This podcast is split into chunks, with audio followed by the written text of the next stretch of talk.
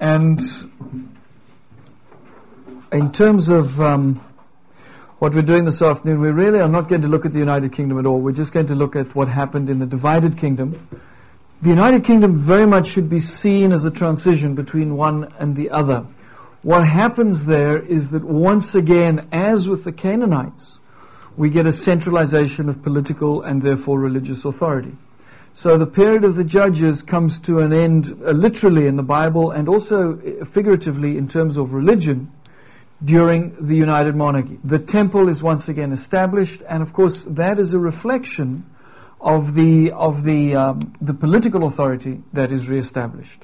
So once again we see the pattern where you have centralized political authority, we start getting temples, we start getting um, centralized religious authority. So now we have to work on the assumption that there is a temple in Jerusalem. And uh, uh, throughout the Iron Age, throughout the uh, Israelite period, the period of the of the uh, uh, Israelite and Judean monarchies, uh, we have to understand that there is an orthodox, official, correct, legitimate way of worshipping, and that is in Jerusalem. That is the way it is reflected in the Bible, particularly in the prophets. This is the orthodox way of worshipping. This is the correct way, if you like. But the very fact that there is a correct way implies that there were also incorrect ways, or unofficial ways, or what we might call popular religion. This is what the people actually did. Not what they did on Sunday mornings from 9 until 12, but what they did for the rest of the week. And of course, they didn't only follow the orthodox, the official religion. They did things their own way, as people have always done and will always do. And the prophets speak out against this. But once again, it's in archaeology that we really see uh, the extent and the nature of this unofficial popular religion. So what we're going to do is we're going to look at some archaeological evidence for this at a number of different sites. Then at the end of the lecture, we're going to go very briefly through the um, elements that are raised in the passage in the Second Kings chapter 23 about the reforms of Josiah at the end of the 7th century that passage mentions a number of very specific uh, activities which Josiah closed down. And uh, we will look at the archaeological evidence as a kind of summary uh, for those reforms. That passage, as many of you will know, is a controversial passage. Many liberal theologians have said it's rubbish. Um, it's something that was introduced much later by the Deuteronomistic author, whoever he was, whenever he lived if he did. Um, and uh, this passage once again is uh, is to coin a phrase uh, the, the the the writings of a pious priest or a propagandistic priest seeking to create uh, a an idea or an authorization for the correct way of doing things uh, by giving this this really rather irrelevant minor King Josiah this incredible status as the great Deuteronomistic reformer. Well we'll look and see what the evidence is for his reforms. But first of all, let's go once again to the site of Tel Dan in the far north of the country. Because as you will be aware, after the uh, death of Solomon, uh, the, the kingdom split in two. And Jeroboam the first uh, was the uh, rebel who split the kingdom and went off and started what amounted to a new kingdom in the north of the country in what became known as Israel or Ephraim. The balance, uh, the royal line of David and Solomon continued to rule in Jerusalem in the southern kingdom of Judah. And Dan was the principal city in the north. It was not the official capital city, that was Tirzah. But the size of Dan, the status of the city, the nature of its construction, and also the presence of the official high place at Dan makes it very clear that whatever the nature of the uh, of the capital city of Tirzah, Dan was the de facto main city of the kingdom. And this is a picture of it. It's a very nice, fertile place. The biggest spring in the Middle East comes out of the ground at Dan is the water source and is one of the three main sources of the River Jordan. Next slide, please. Well, at Dan, there is a dramatic area uh, which has been excavated, which is in fact the high place at Dan. And it is a huge open air area. Remember that Jeroboam has inherited a kingdom or has taken over a kingdom with a large population who until that time had become acclimatized or used to worshipping in a, in a particular way. And he needed to give this, this, this nation uh, of his an alternative place to worship other than Jerusalem. He didn't want them looking towards Jerusalem anymore. He had taken them away from there, so he built an alternative. And the alternative he built was not a copy. He, he was very clever. He created something utterly different, but with enough points of contact to make the people feel at home or familiar with the worship at the high place of Dan. This high place has three levels, basically dating to the end of the 10th century, the end of the 9th century, and the end of the 8th century when it was destroyed with the rest of the northern kingdom. Um, we can talk about it as relating to the time of Jeroboam the first, Ahab, and Jeroboam the second.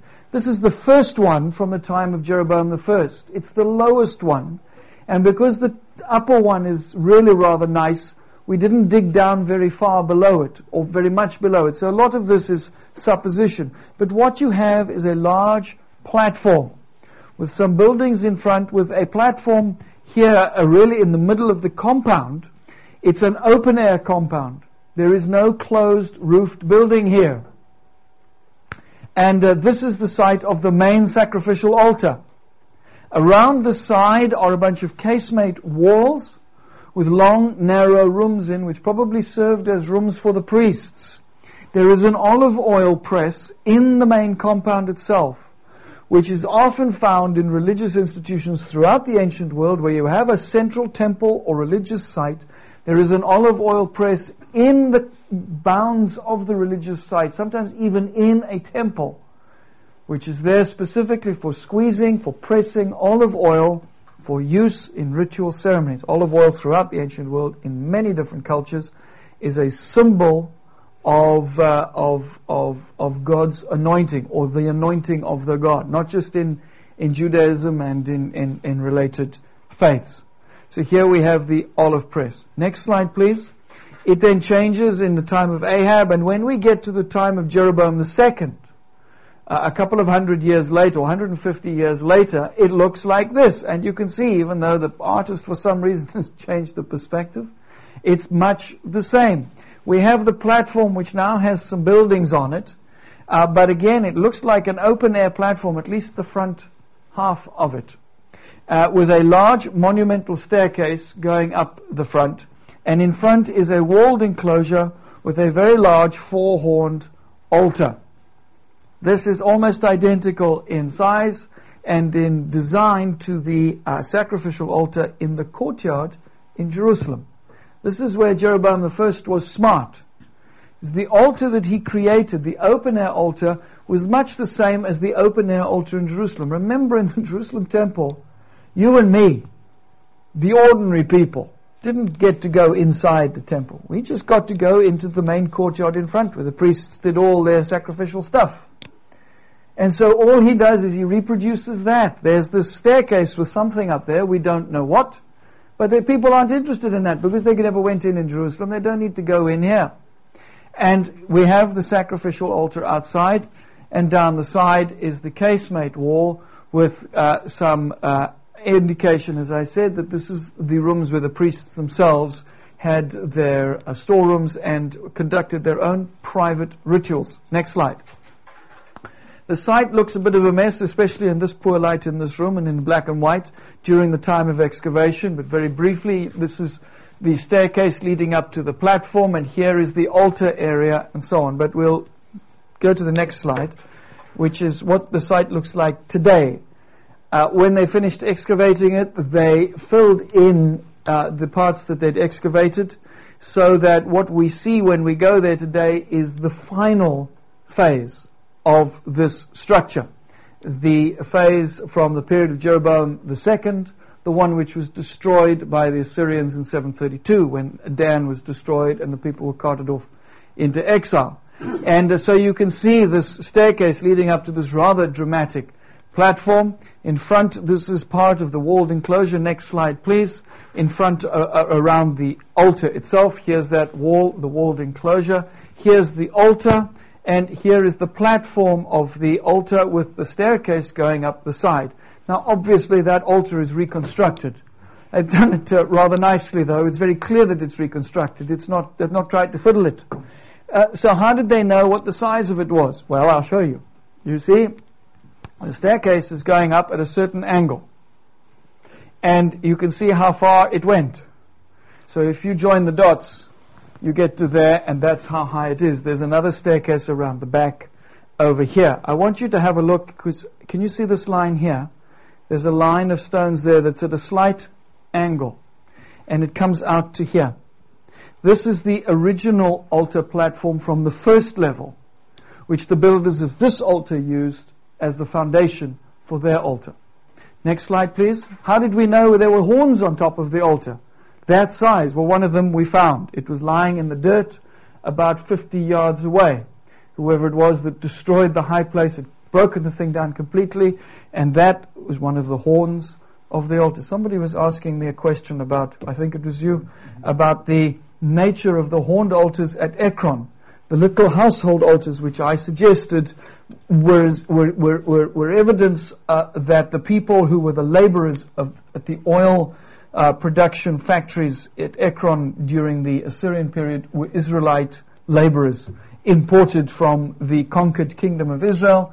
Uh, and uh, this is one of the evidences of it. We do find evidence of horned altars in Israel to a much greater extent than we do in Judah in the south.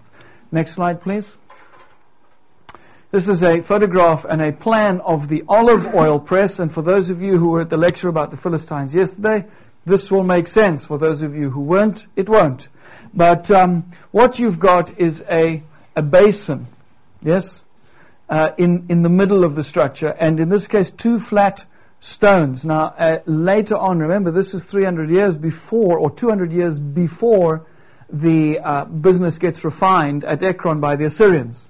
But what you, what you have is two flat stones, uh, unlike at Ekron where you had vats. Uh, uh, and uh, on top of these two flat stones, baskets full of olives are, are laid one on top of the other, and a beam comes out of the wall and is weighted down with stones on ropes so that the olives in the, in the baskets are pressed.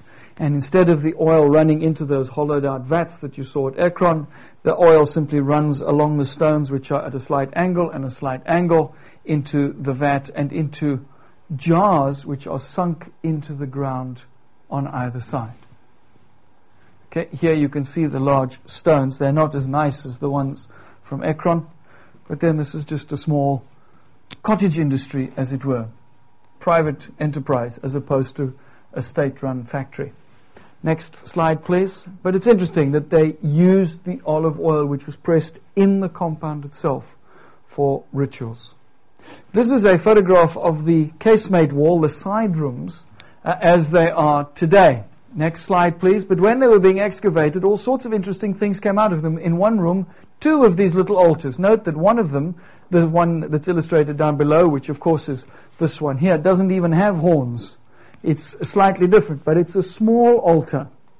So we're talking about uh, a kind of personal, small-scale cult that takes place here. And the best example, the best suggestion, is that this is where the priests conducted their own private worship.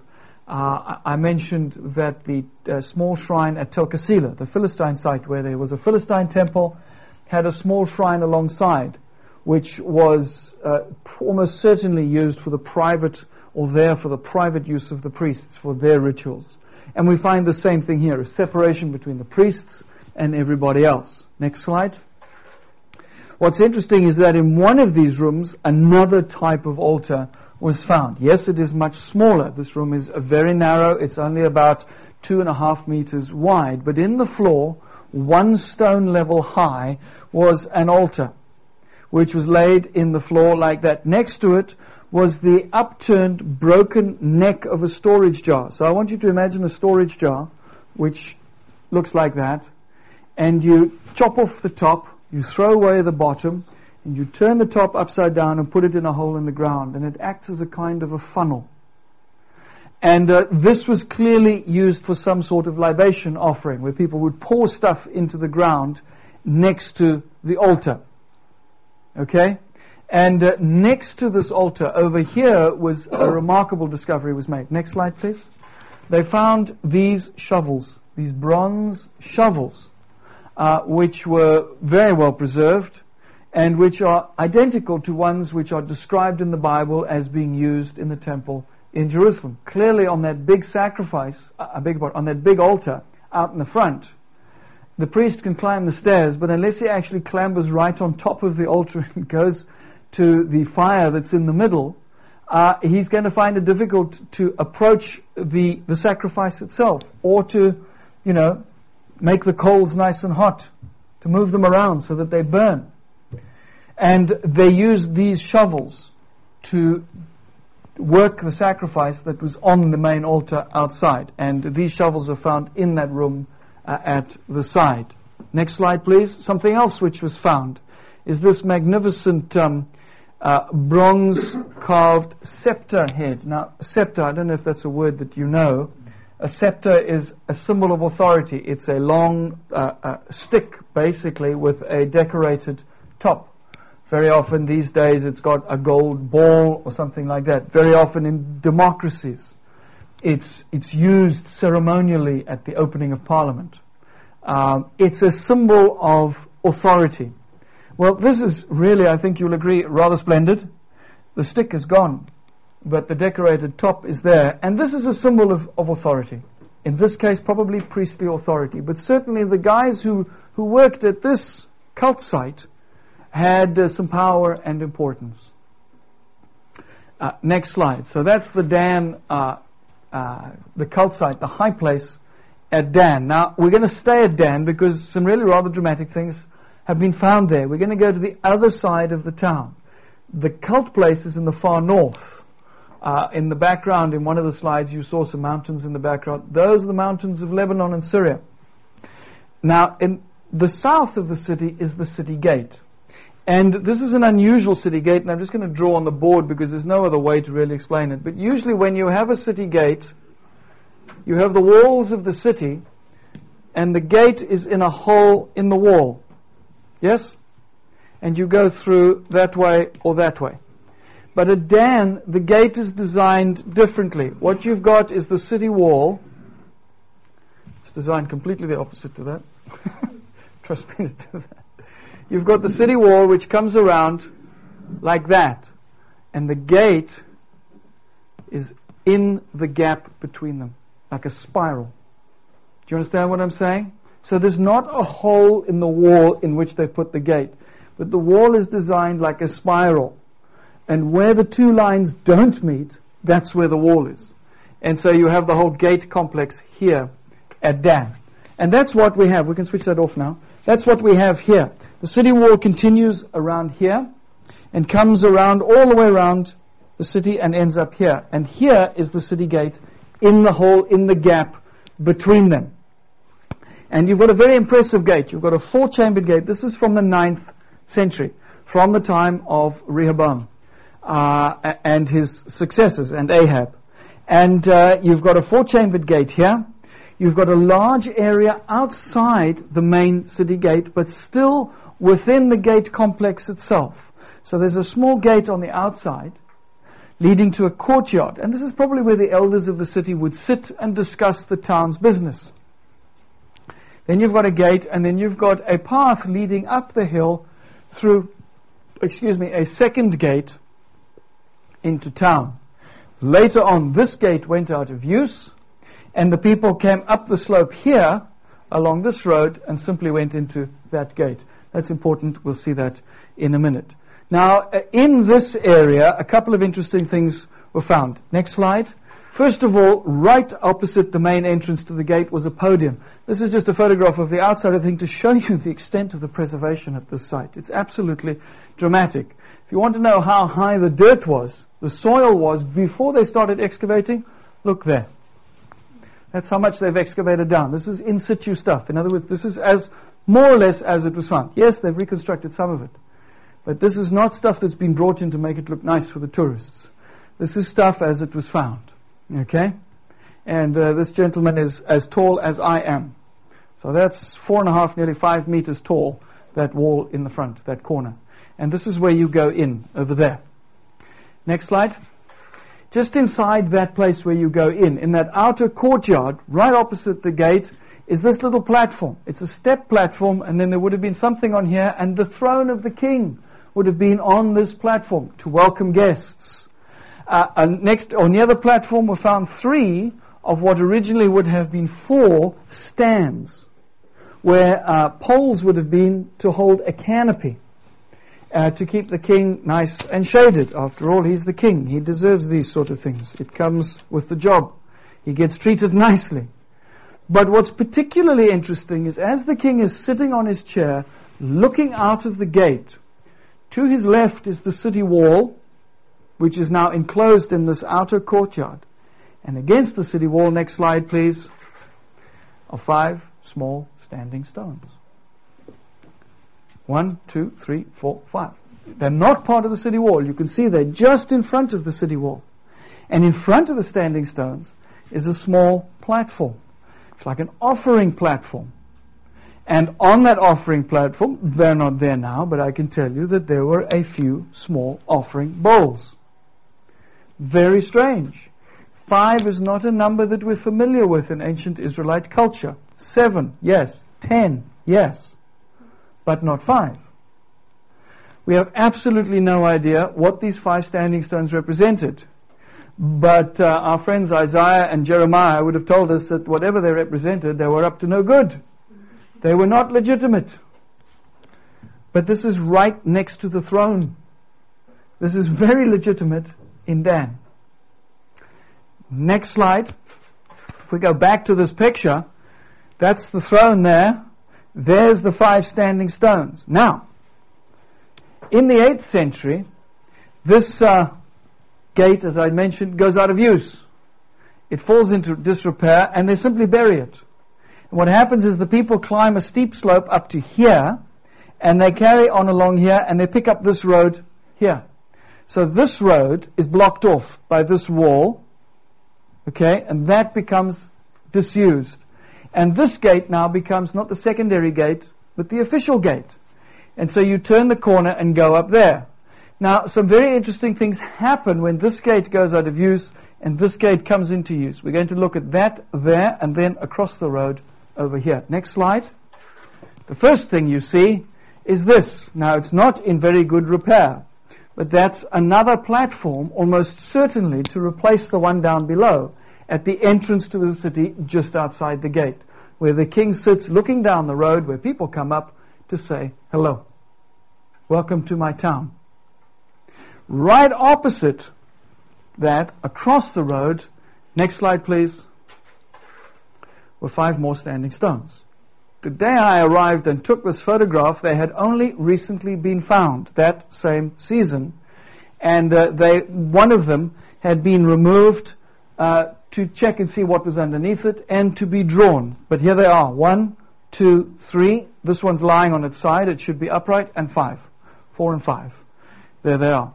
So I'm afraid you can't see them in situ as they are today, nicely returned to their place but there are five standing stones. So clearly, whoever these five, st- whatever these five standing stones represented, they were very significant. One more uh, manifestation of this. Next slide, please. We now go back down the hill.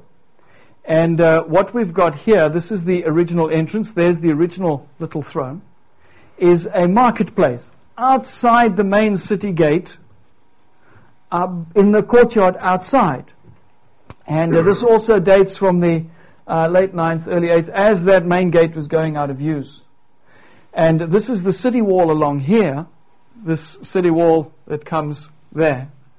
Uh, and uh, the marketplace is a kind of place where people can come and trade their goods, people who don't belong to the city, without coming into town and compromising the security of the town. And right about where I'm standing to take this photograph, to my right, against the city wall, next slide please, were five more standing stones. So this was not just an isolated thing that some guy built in his house.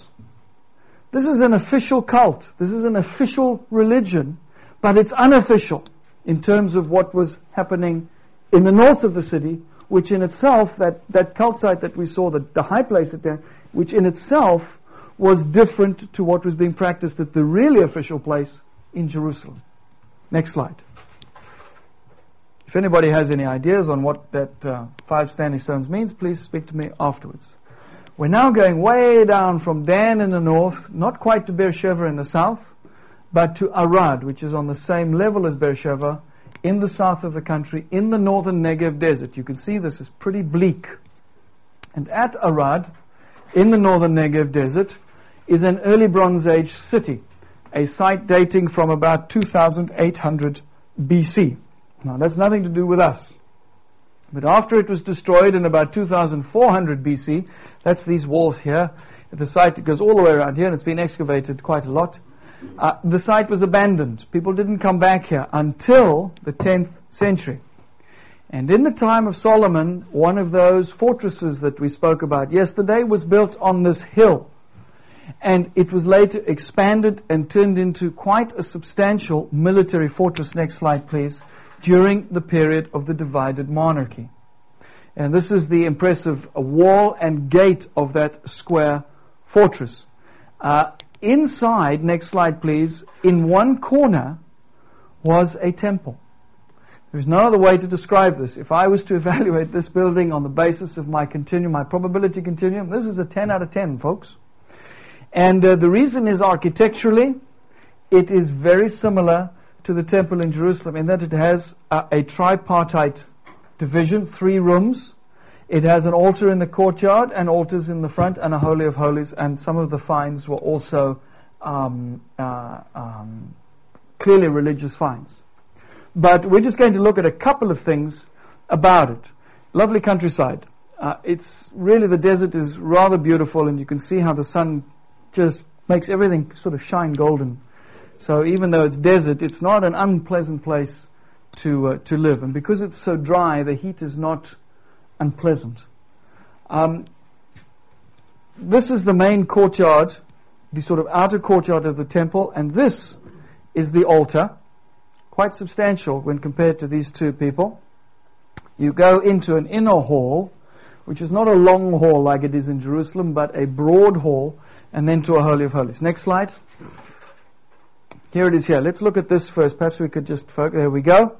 Here's where my two friends were standing, and there's the sacrificial altar in the courtyard.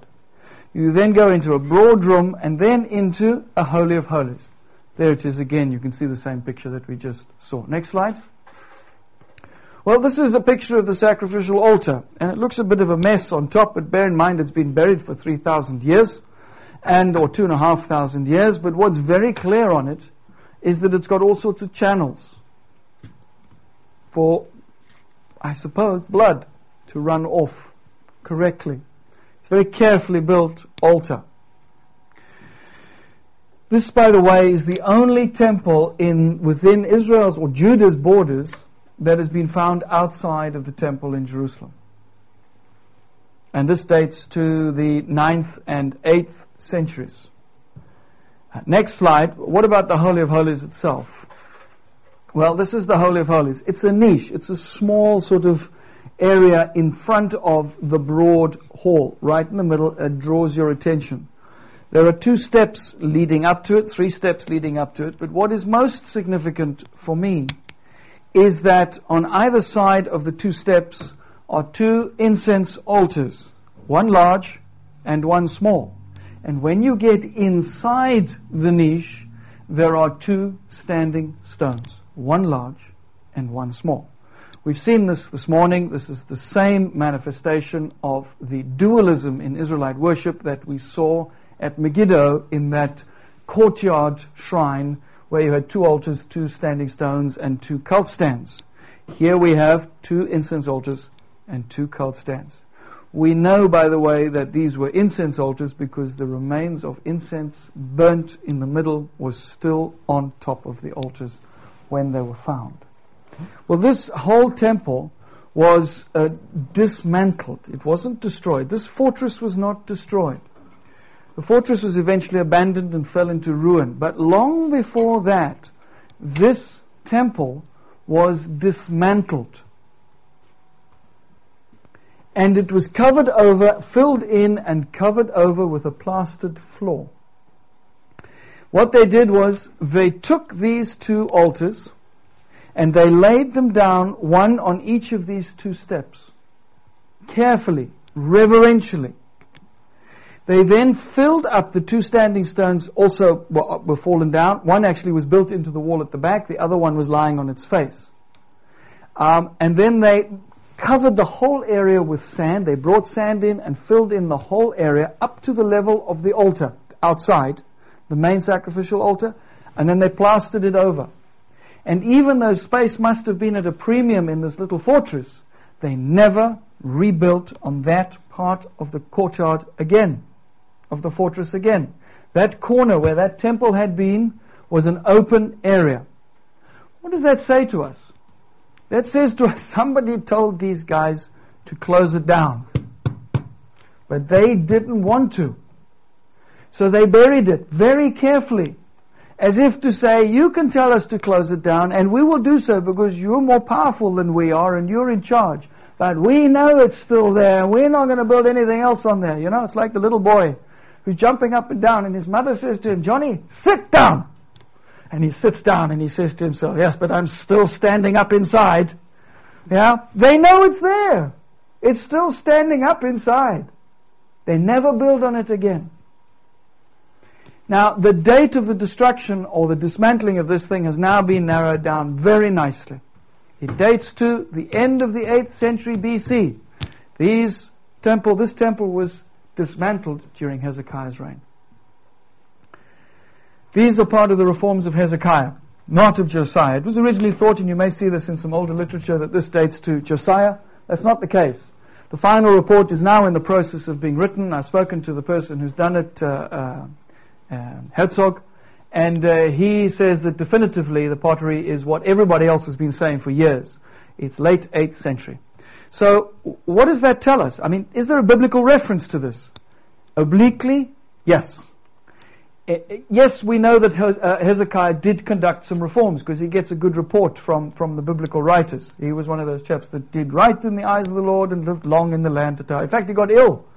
And the prophet went to him and said, unless you pull yourself together and sort yourself out, you're going to die. So he did. And that's where his reforms came from. But in the siege of Jerusalem in 702 BC, um, the uh, the city of Lachish, Lachish is being besieged. That's the second city of Judah, and uh, there's a siege in Jerusalem while the Assyrian army is busy destroying all of the city of, of Lachish. They also besiege Jerusalem. And all the people are basically locked inside the city in Jerusalem, and somebody called the Rav Shakeh. What do you call that in, in, in, in Danish?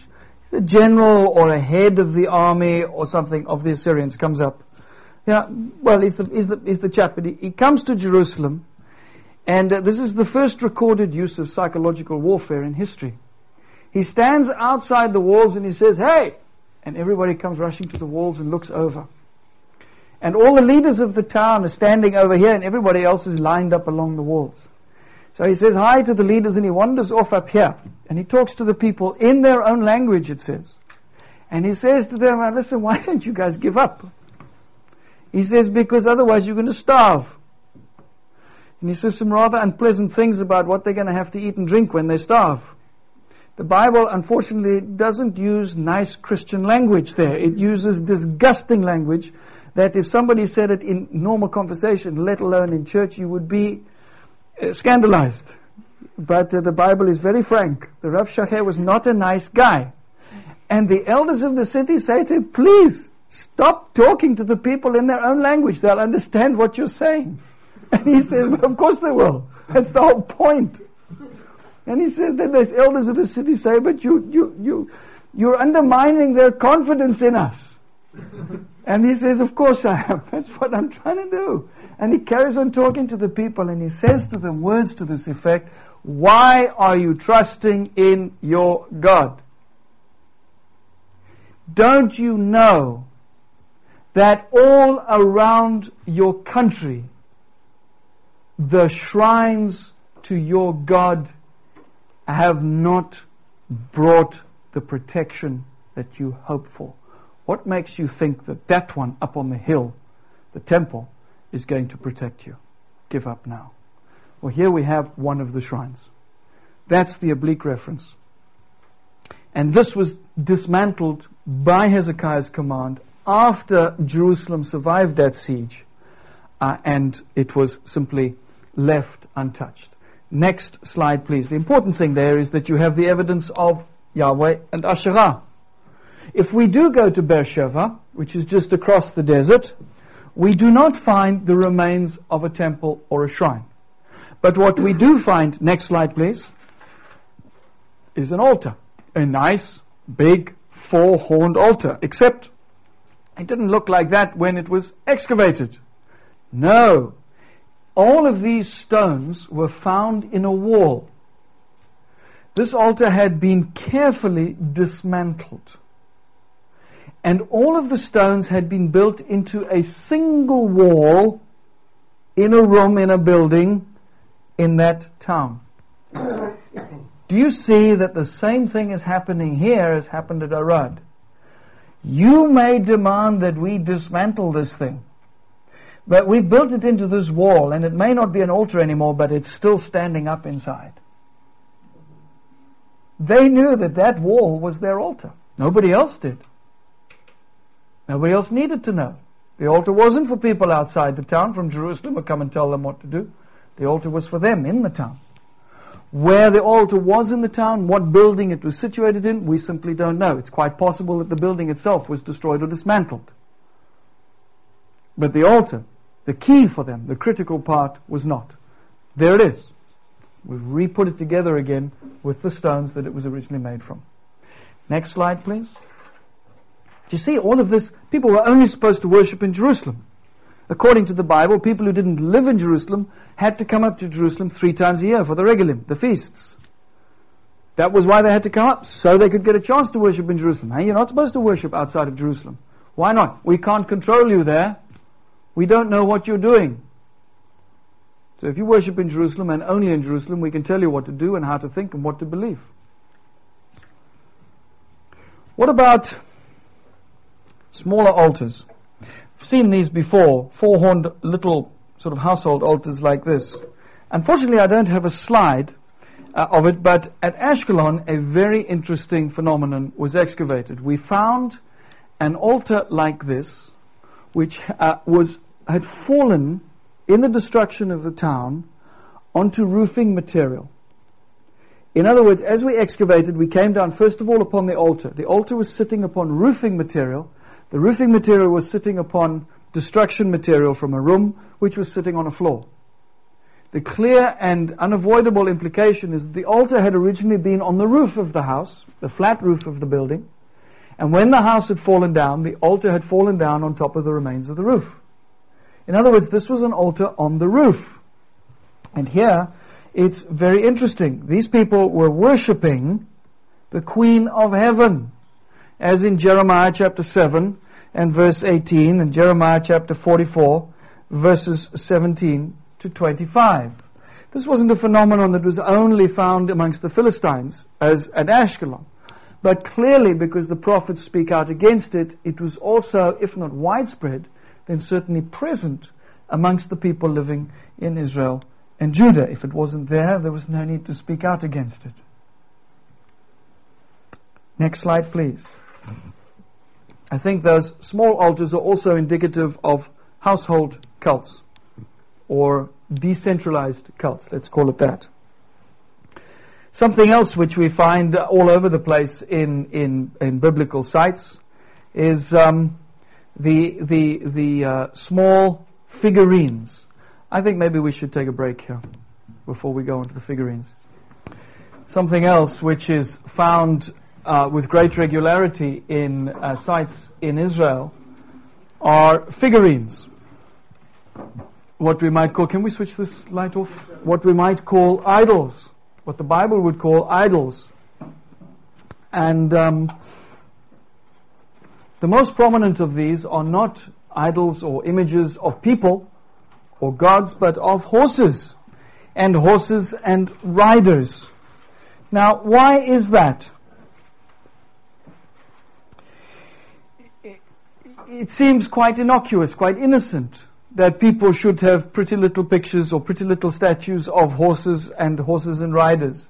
Almost like children having toys in their bedroom but this is not as innocuous uh, or as innocent as it seems.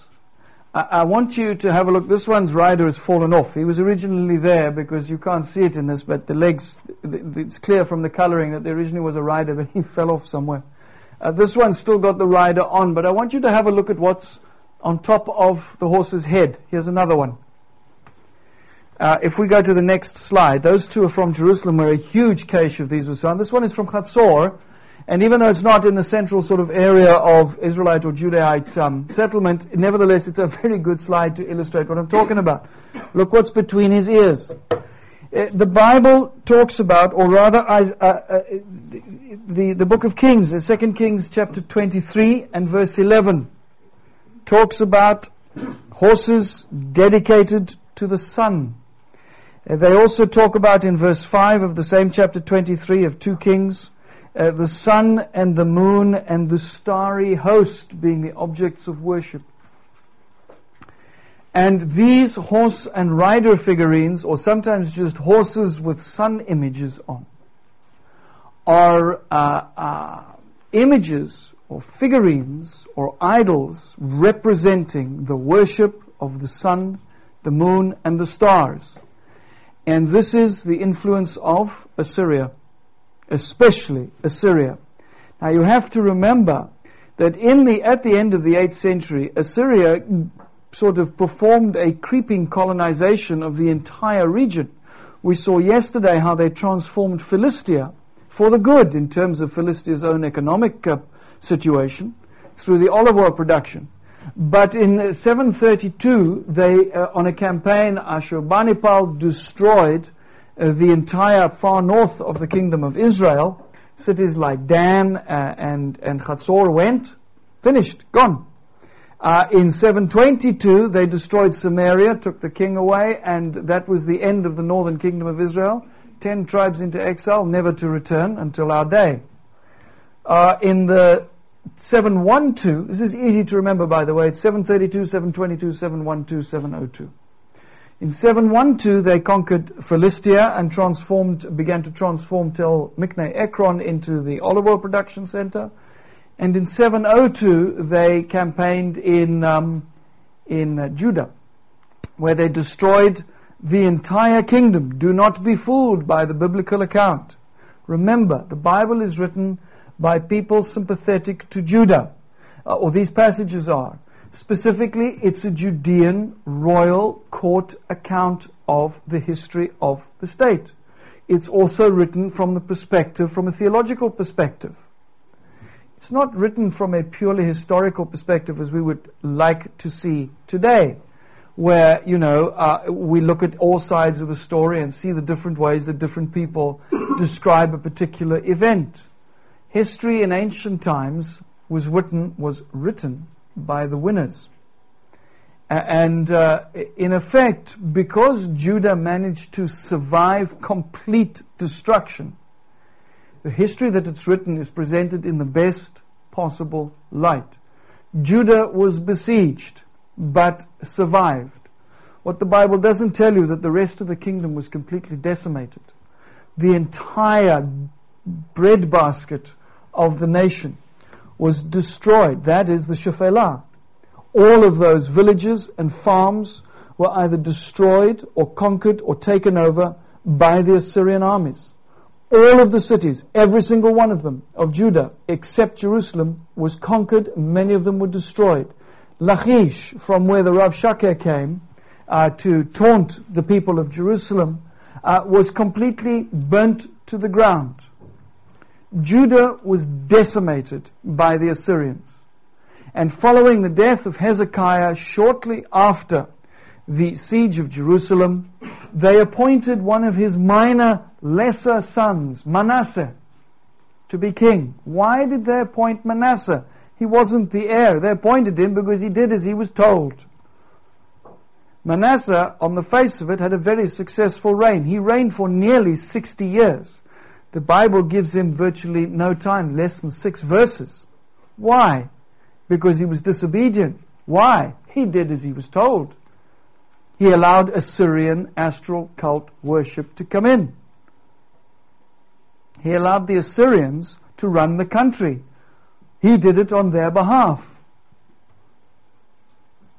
And so that's when the prophets are writing. It's following that period that Josiah comes to power, and it's been so long since anyone can remember when people worshipped Yahweh and Yahweh alone, that when the book of the law is found in the temple, it's genuinely been hiding there. It was probably hidden there by some pious priest way back when, when Manasseh first came to power and saw the writing on the wall. So this was not simply a, a, a sort of minority uh, fetish this worship of, of, of the sun, the moon, and the stars. This was the norm. This was what people did. This was what you did to get ahead in life. You went for an interview, for a job. What God do you worship? Well, I mean, I, these things, you know. It was, it was as, as predominant as that. The worship of Yahweh simply became something which happened alongside the worship of everything else. So these were very prominent. And therefore it's not surprising that they are uh, condemned by the uh, conservative prophets of Judah in the 7th century.